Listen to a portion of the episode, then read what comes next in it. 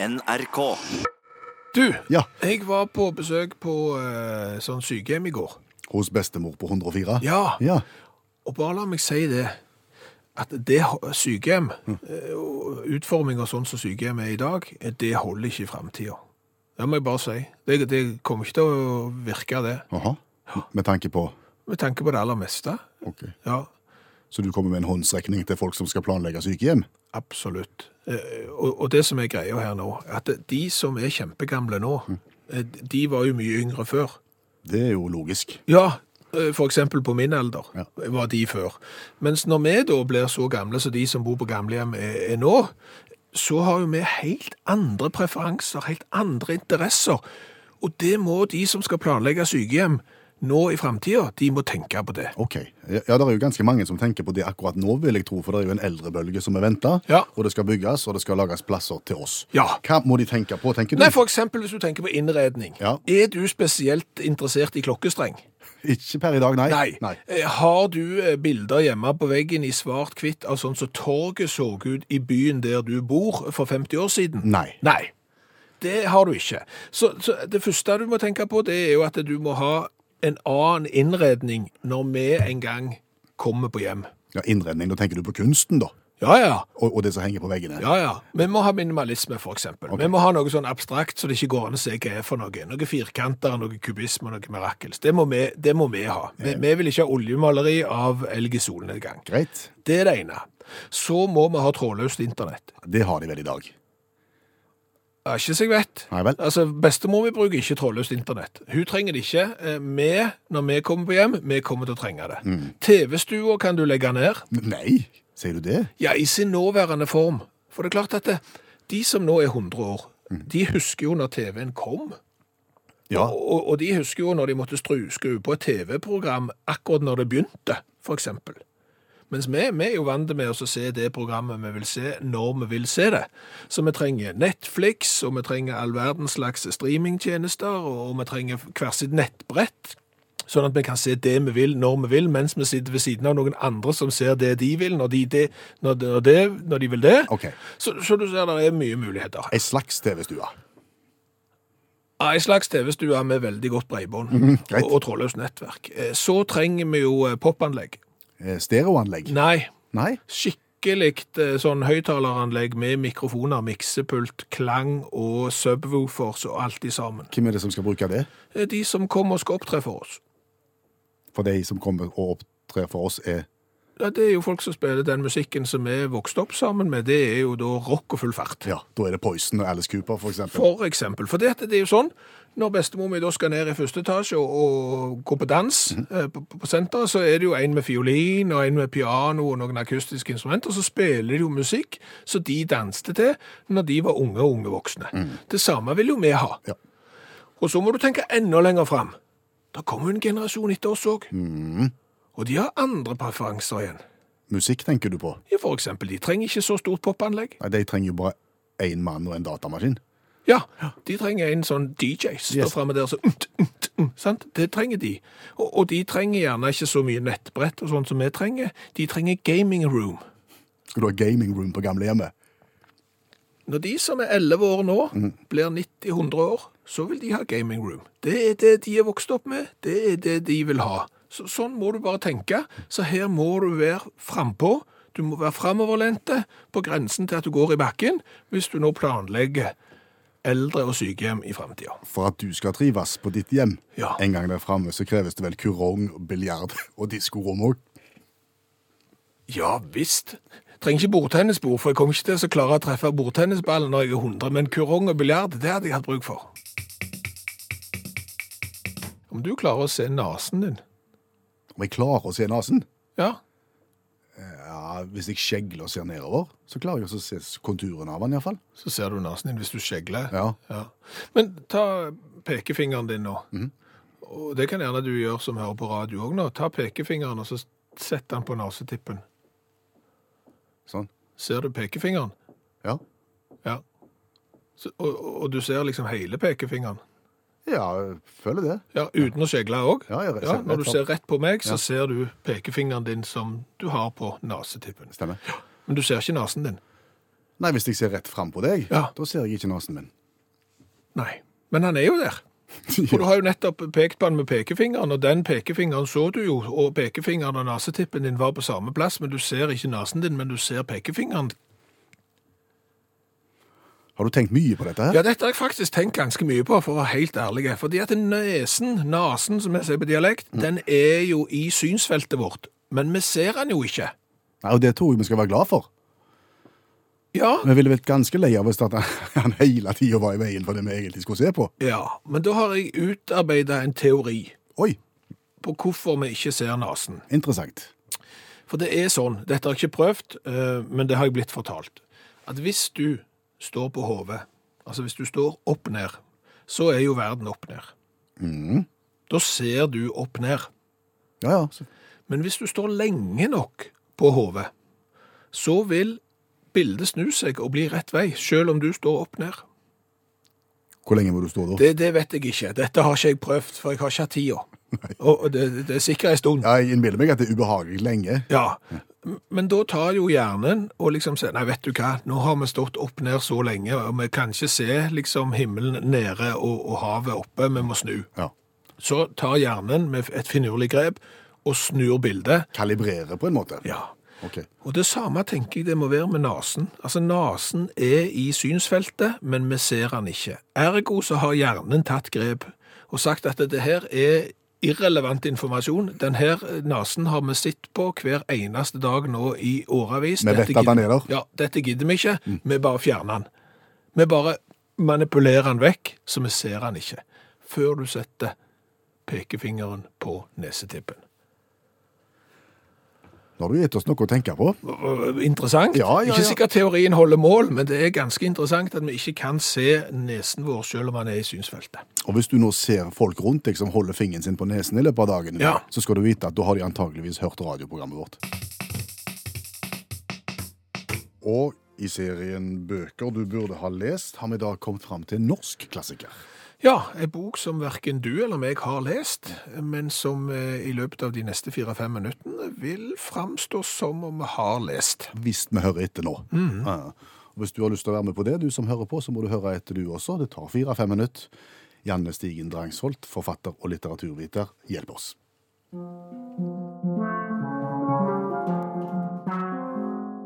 Ut og stjele hester fra 2003 av Per Petterson. Svinge øks, felle tre, klatre i tre, slenge seg på hest, bli slengt av hest, måke snø og dra opp brennesler med bare never. Ja, Dette kan du se på kino. Ja, du kan det faktisk.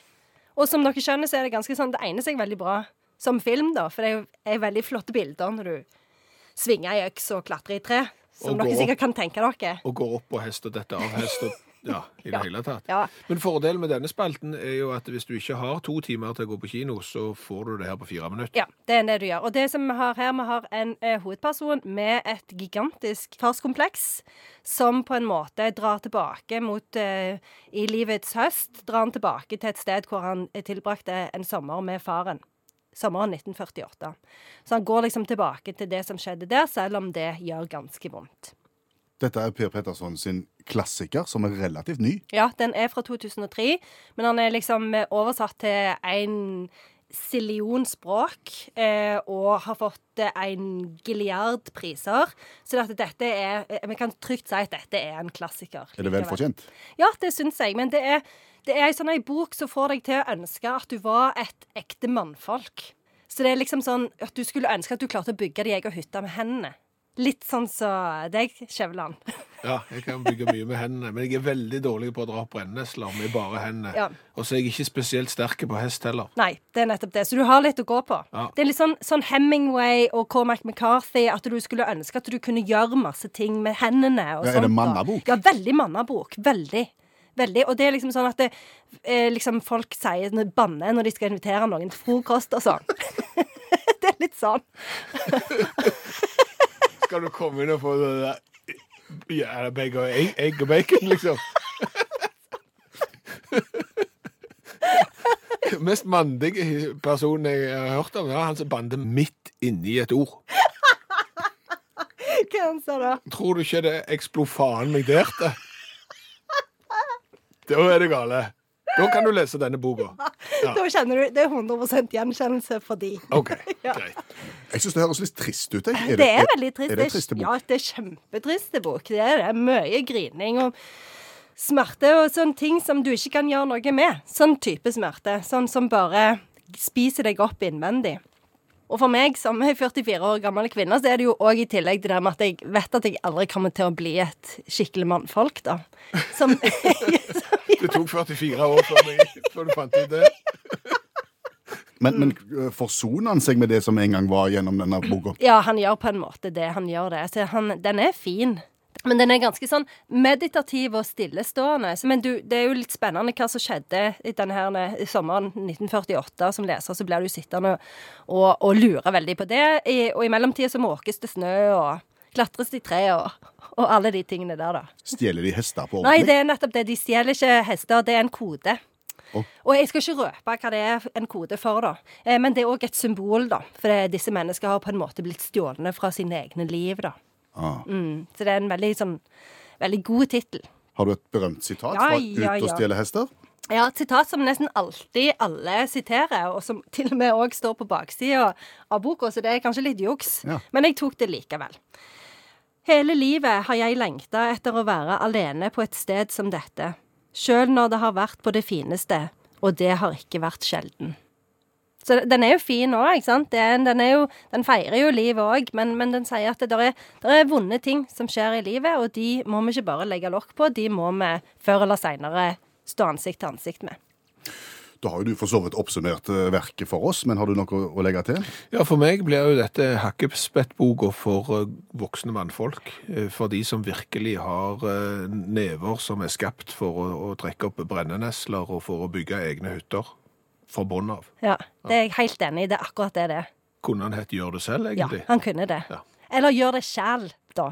Han er veldig glad i sånne typer. Eh, Jeg gjør det selv. ja, Jeg- gjerne banning. Okay. Banning. Tusen takk, Janne Stigen Drangsholt, forfatter og litteraturviter. Når vi lærer oss bøker som vi sjøl ikke har lest, så har vi jo med oss ei i studio som har lest bøkene, og som kan fortelle oss hva de handler om. Mm. Og i den anledningen der så fikk vi et litt artig innspill. Ja, det kan du si. Eh, Vi fikk tilsendt en anmeldelse av ei bok. Ja, Eh, skrevet av Turi, som var ti år da hun skrev den anmeldelsen. Og det interessante med anmeldelsen det er at hun anmelder ei bok hun ikke har lest. ja, og hun legger ikke skjul på det heller, for i teksten står det svart på hvitt at hun ikke har eh, lest den. Det er faren til Turid som har sendt oss denne anmeldelsen. Etter at han hadde en liten opprydning, så, så fant han denne anmeldelsen av ei bok som Turi ikke har lest. Har du snakket med Turi? Ja, jeg ringte til Turi for å spørre om hun husket at hun hadde skrevet anmeldelsen, og det hadde hun, og har fremdeles ikke lest denne boka. Men bakgrunnen for at hun valgte den boka å anmelde, det var at hun var på kontoret til bestefaren sin, og der lå det ei bunke med bøker, og midt inni der så så hun en tittel som hun syntes eh, den frista å anmelde. Da anmelder jeg den eh, uten å ha lest den. Ja, og det var Det er Septemberfrost av Alfred Hauge. Da skal du få lov til å høre eh, Turi sin anmeldelse av Septemberfrost av Alfred Hauge, som hun altså ikke har lest. Overskrift 'Norges første fortelling'. Er det det? Ja, Ifølge Turi. OK. Det var en norsk forfatter som het Alfred Hauge. Han skrev ei bok som heter Septemberfrost. Det var den første bok han skrev i sitt liv. Det er Norges første fortelling, mener i hvert fall jeg. Vil du bli med tilbake i tiden? Les videre. Han satt sikkert på en god stol når han skrev boken sin. Han må ha sittet i en god stol framfor dataen sin. Jeg sitter bare på en krakk. En elendig utslitt krakk. Framfor en god skrivemaskin. Og nå har jeg skrevet i 20 minutter. Du har lest i fem minutter. Slik er det her i verden. Skrive, lese om en annen. Lese, skrive, lese, skrive, lese, skrive. Hva annet gjør vi her i livet? Eta, tenke, kjede seg, kose seg. Can you speak English? I can speak English. Vi snakker engelsk, skriv på engelsk, erter hverandre, skriv stygt om andre, skriv brev og spør hverandre om ting vi lurer på, og mye annet. Når Alfred skrev boken 'Septemberfrosten', tenkte han nok på september, med frost, snø, kaldt og mye vind. Sikkert snøstorm. Jeg har ikke lest boken, men jeg kan tenke meg at han skrev om en september kald med frost og mye vind. Antageligvis så begynte det i august. det begynte å bli kaldt, og så kom det september med den første snøen, og det var frost og bitende kaldt. Slik tenker jeg at det var den første septemberdagen det året boka ble skrevet. Merk deg at det sikkert var den første i niende, eh, et år jeg ikke vet hva er. Men hvis du leser boka, vil du nok få vite hva årstall det var i. Jeg har tenkt å lese den en gang for tid. Skrevet av Turi, ti år, i 1994. Ja, og nå er vi i 2019, og Turi har ennå ikke fått tid til å lese 'Septemberfrost' av Alfred Hauge.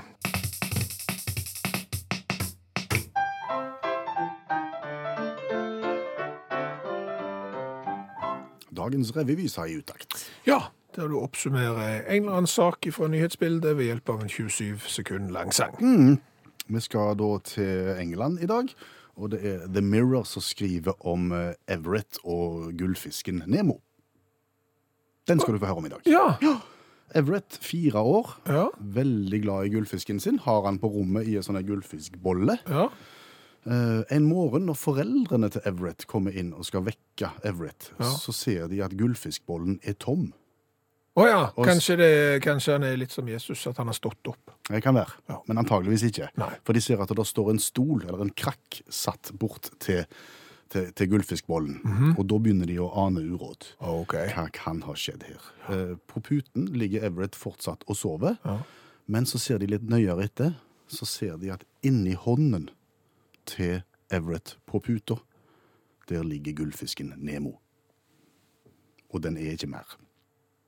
Nei, det er jo en greie med gullfisker, at de trives jo mye bedre i vann enn på pute. Ja, og så viser det seg da at, eh, at Everett, som er så glad i, i Nemo, han tok en stol bort på kvelden før, bort til gullfiskbollen, tok ut Nemo, for han ville ha han med seg og kose i senga. Det tenkte han var kjekt både for seg sjøl og Nemo. Og la han i hånda, og så sovna de begge, bare den ene våkna. Ja, den ene sovna, den andre sovna inn. Ja, på en måte. Men, men, men altså, unnskyld meg her. Jeg Kan jeg bare legge til her at, det, at denne, etter at denne saken har stått, så har det jo blitt et, eh, et, et renn av folk som, som syns dette er så trist, og vil hjelpe Everett og tilbyr seg å kjøpe ny gullfisk og alt sånn. Så han har fått ny. Så nå går alt så meget bedre. Men det måtte jo bli forklart om, litt om vann og fisk og hvordan, Gjeller og ja. hvordan ting fungerer. Men nå, nå syns han det er OK. Jo, jo, men altså, det var jo stikkordet det du kom med nå, fordi at det, dagens revyvise, Mm. det skal jo egentlig være eh, en underholdende gladsak, Ja. eh, med, med, der du kan smile og le litt av, og dette her er jo bare egentlig litt sårt og trist. Ja, og, og, og det, jeg følte jo på det jeg òg etter hvert som jeg forsøkte å skrive om dette her. Ja. Så da tenkte jeg, vet du hva, jeg må, jeg må få omarrangert revyvisa til et eh, leie, musikalsk leie som kler historien, tenkte jeg. Hva mus musikalsk leie? Ja, altså du må gå fra, fra gladur, Ja. og du, du må inn i, i moll. Du må inn i det triste. Og har du fått gjort om revyvisa til moll? Rett og slett.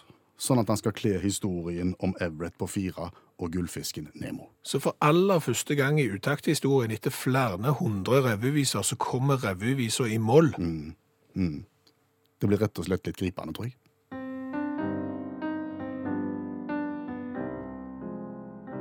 Det var tidlig en kveld, vinterdagen var på hell, og han kikket gjennom gullfiskbolleruten.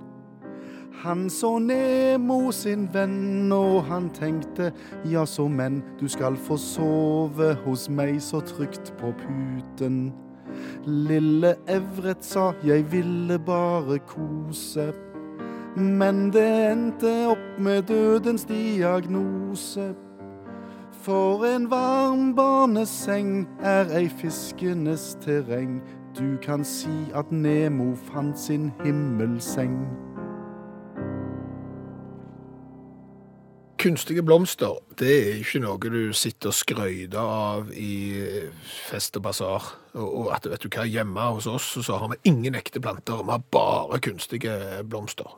Nei, tenker du at en, en forsøker heller å skjule det litt dersom en har det? Ja, eh, det følger jo et visst stigma med det å ha kunstige blomster, og det er jo om å gjøre det å kjøpe kunstige blomster som er så kunstige at de er på grensen til ekte. Ja, ja, og, og det er de jo nå. Ja, ja. De, de ser kjempeekte ut. Ja. Så ja, Men, men da tenkte jeg at vi i utakt kunne komme med en håndsrekning til de som er litt flaue over at de har kunstige blomster hjemme. Mhm, ok.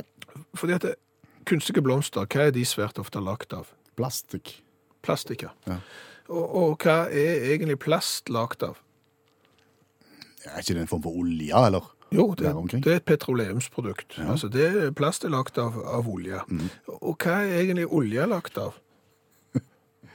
Det er ting som er kjempegammelt, gammelt, gammelt, gammelt. Ja, altså olje er jo lagt av råtne planter, annet under høyt trykk, som har fått ligge i bånn i Nordsjøen og sånn under høyt trykk veldig lenge. Så det vi egentlig sier her, er at siden kunstige blomster er lagt av plast, plast er lagt av olje, olje er lagt av eh, planter igjen, så er de kunstige blomstene dine ekte. Det gir perspektiv. Ja, så du kan med stolthet si at jeg har bare ekte planter hjemme, og de holder seg kolossalt godt, de trenger ikke vann. Hva har vi lært i dag? Åh, vi har lært kolossalt mye. Vi har blant annet lært at de som skal utforme sykehjem og eldrehjem i fremtiden, de, de må eh, se opp og frem, fordi at det går ikke an å ha et eldrehjem som er sånn som det er i dag. Nei, for nye generasjoner endrer seg. Ja, og, vi får støtte fra mange hold. Per Jarle har i bortimot 15 år nå vært rundt og musisert for alderspensjonister på sykehjem, og på pensjonistmøter rundt omkring på Sunnmøre. Og kan fortelle det at det denne aldersgruppa husker, det er fra barneår og folkeskolen. Demente husker sang, sanger som de pugga på, på folkehøg, folkeskolen, heter det jo da. Sånn at vi må hele veien utvikle oss, sånn at når vi handler på eldrehjem, da vil vi høre Bon Jovi og Kiss. Det er liksom forskjellen. Og det er ei dame her som er 78 år, og som eh, ikke vil underholdes av Blåveispiken og Nidelven og Kurt Foss og Reidar Bø. Hun er vokst opp med Elvis, Bowie og Prince, og det vil hun ha på eldre igjen. Eh, Og det samme med ei dame på 68 som ikke vil høre Jens Bukk Jensen når hun kommer på, på gamlehjem. Så der ser du. Så lært det at hvis du ser rett fram, så ser du ikke nesen din. Selv om han er i synsfeltet, legger du pekefingeren på nesetippen, så ser du pekefingeren, men du ser ikke nasen. Og vi har jo da utarbeidet en teori om at hjernen har sett nasen så mange ganger i sitt eget synsfelt at nå gidder han ikke bry seg lenger. Han overser den totalt. Eh, Så har vi jo lært litt om plastisk, plastisk, ja. Kunstige blomster lagt i plast. Ja, Som du hevder egentlig ikke er kunstige. Nei, for uh, kunstige blomster lagt i plast er jo lagt av plast, og plast er lagt av olje, og olje er jo lagt av planter som er råtna under høyt trykk, ergo så er plastblomster blomster. Eh, Men det er ikke lett å å vite om de er ekte eller ei, plantene sånn likevel, for jeg fikk en, en melding her fra en som eh, hadde en kone som var vekke på to ukers ferie, og husbonden fikk beskjed om å vanne blomstene, og når hun kom hjem, så var hun så fornøyd med at alle hadde overlevd, helt til hun oppdaget at de kunstige sto og svømte i hver sine små basseng. Så det er ikke alltid at såkalt i gåsøgne kunstige blomster er enkle å ha med å gjøre.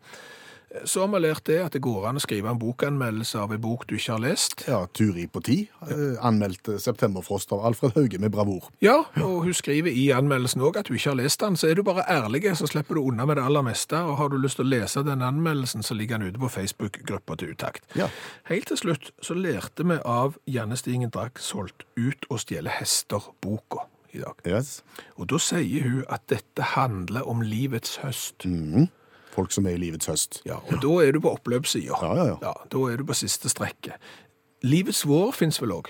Ja, det er vel ungdommen og, og den, ja, barn og ungdom. Ja, men så fikk jeg til å tenke, fins livets vinter og livets sommer? Har ikke tenkt på det. Nei, Nei. ikke heller. Aldri brukt det. Og hva tid er eventuelt livets vinter og livets eh, sommer? Altså Hvis du er på oppløpssida i livets høst, ja. da er du med én fot i graven og den andre på bananskall hvis du er i livets vinter, i hvert fall. Hør flere podkaster på nrk.no podkast.